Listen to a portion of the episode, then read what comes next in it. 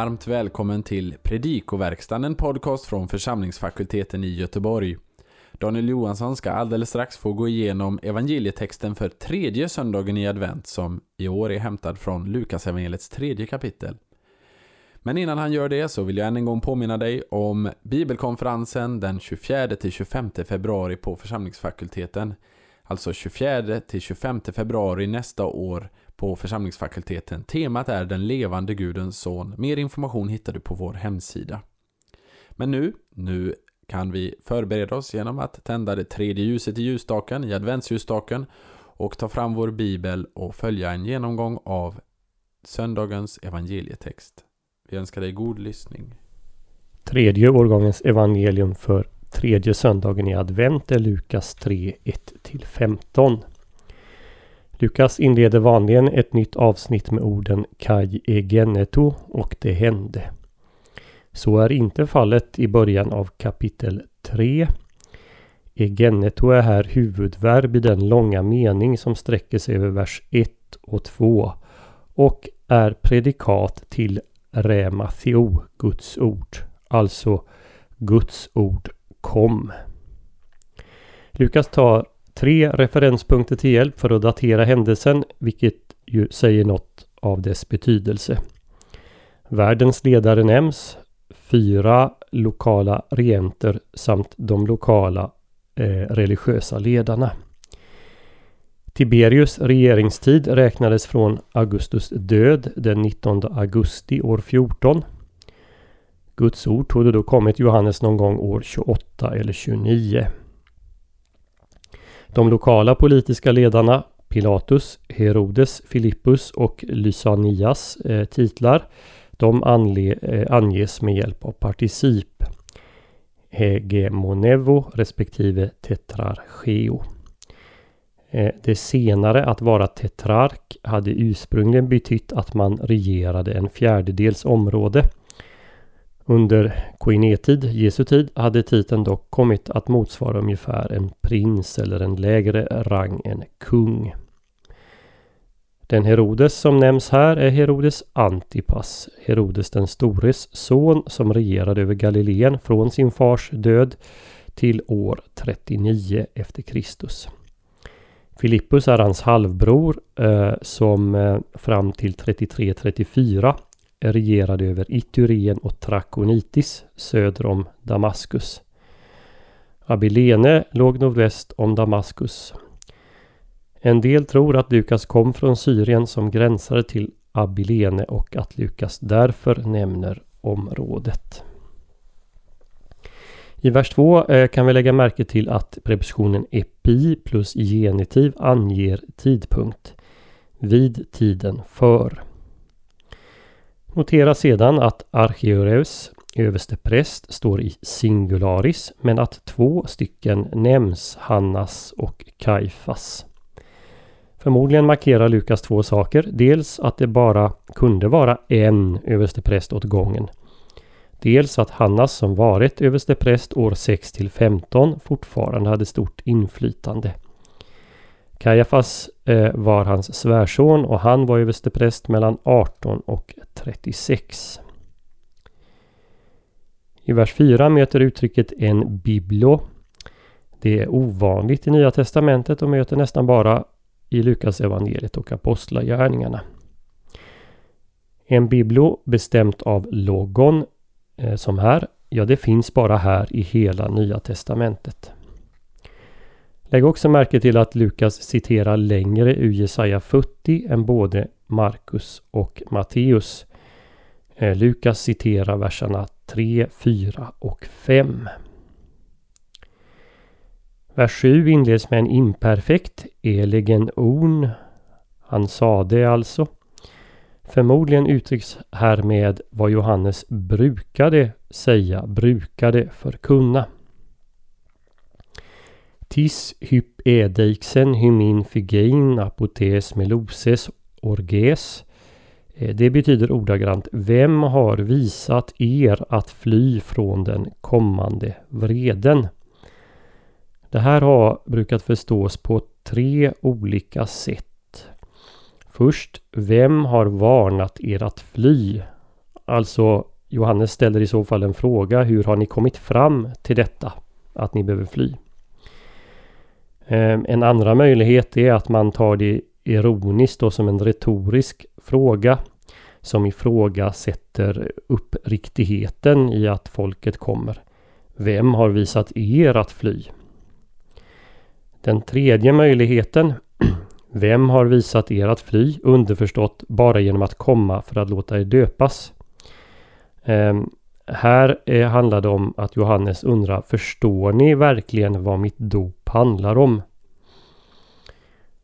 Då verbet epideiknemi normalt betyder att rikta någons uppmärksamhet på något så ligger det nog närmast till hands att den sista betydelsen är den mest troliga.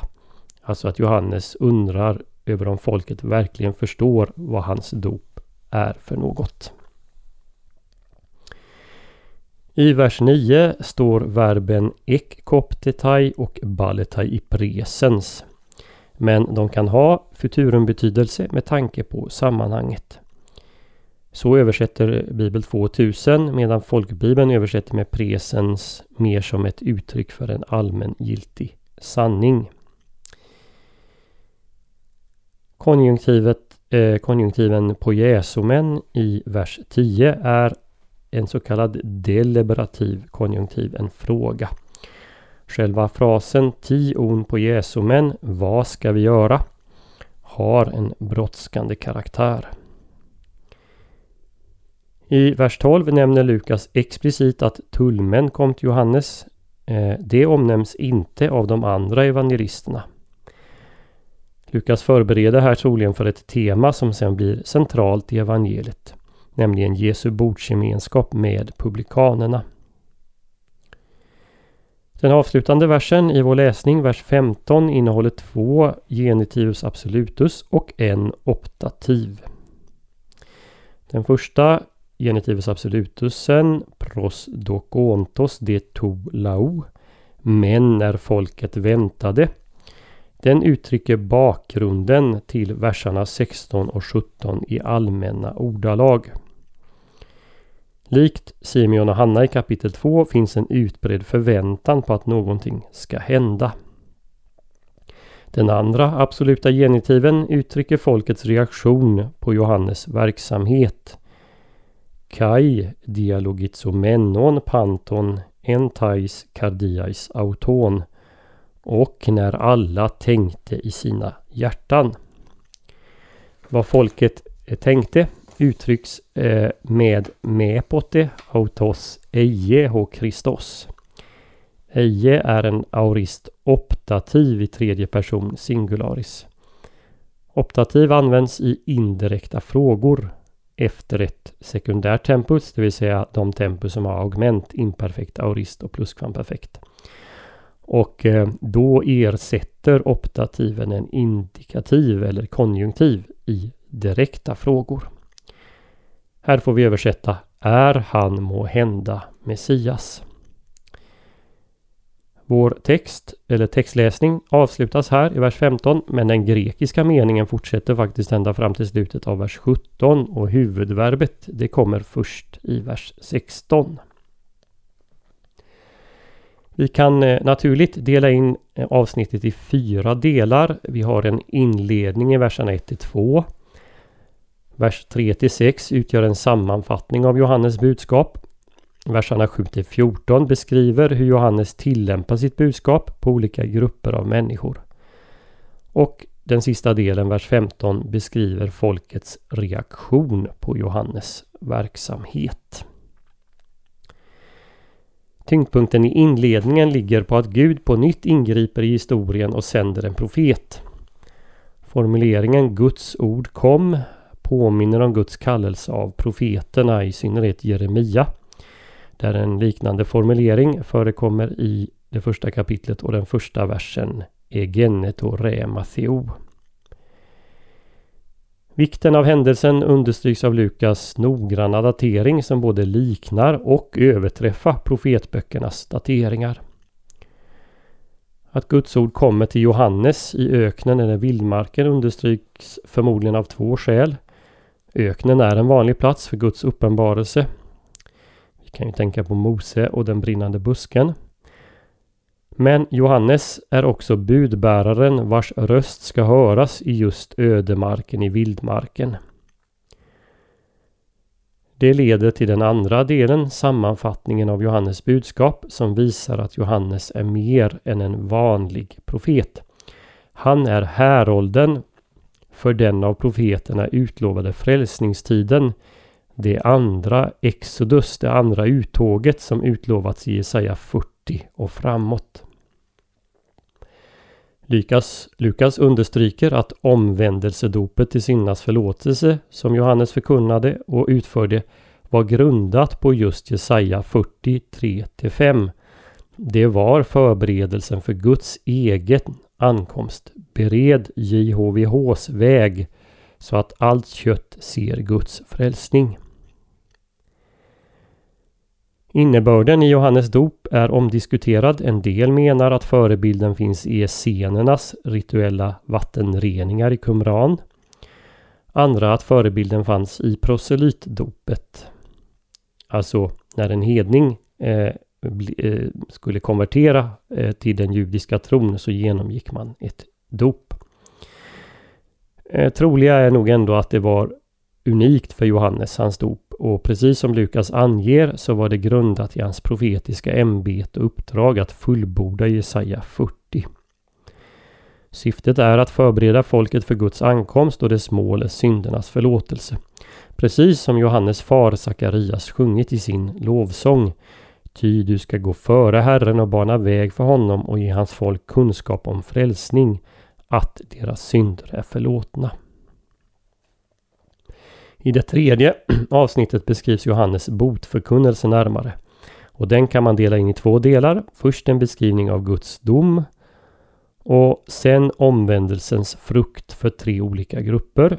Först folket i allmänhet, därefter publikaner och för det tredje soldater.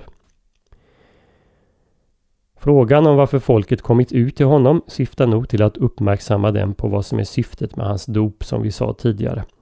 Johannes fördömer tillståndet i folket i skarpa, närmast chockerande ordalag. Uttrycket huggormars avföda saknas i Gamla Testamentet och även i rabbinska texter.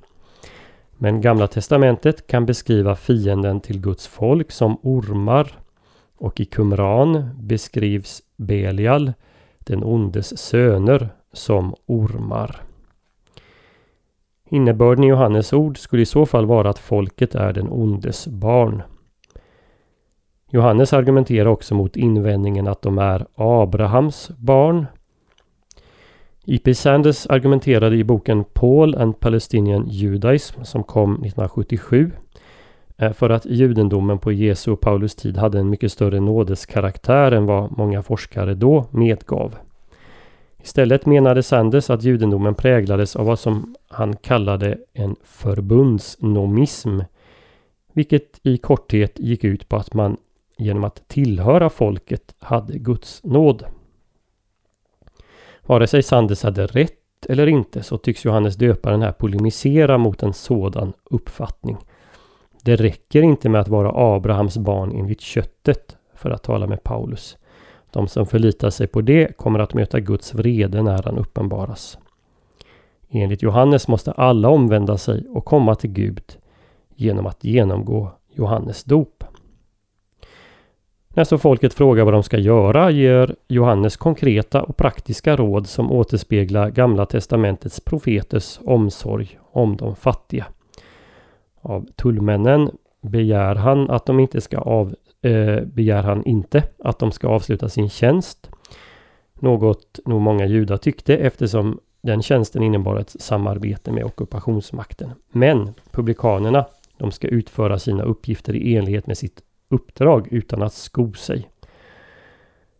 Soldaterna, som antingen tillhörde Herodes armé, den judiska polisen, eller de vakter som assisterade och skyddade tullmännen. De behövde inte heller lämna sin tjänst, de skulle bara sköta sina plikter utan att utöva orättfärdigt våld. Johannes budskap togs tydligen väl emot av stora delar av folket.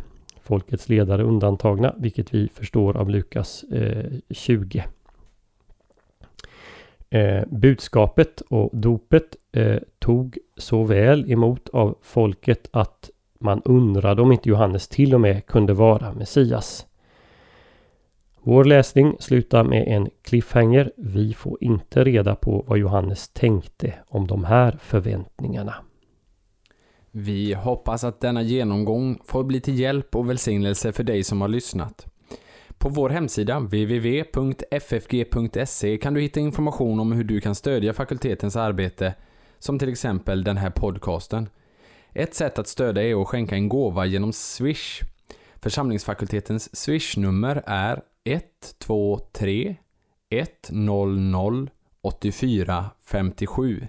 Alltså 123 100 84 57.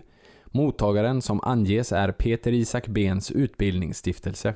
Märk gärna gåvan FFG Podcast om du vill stötta just denna podden.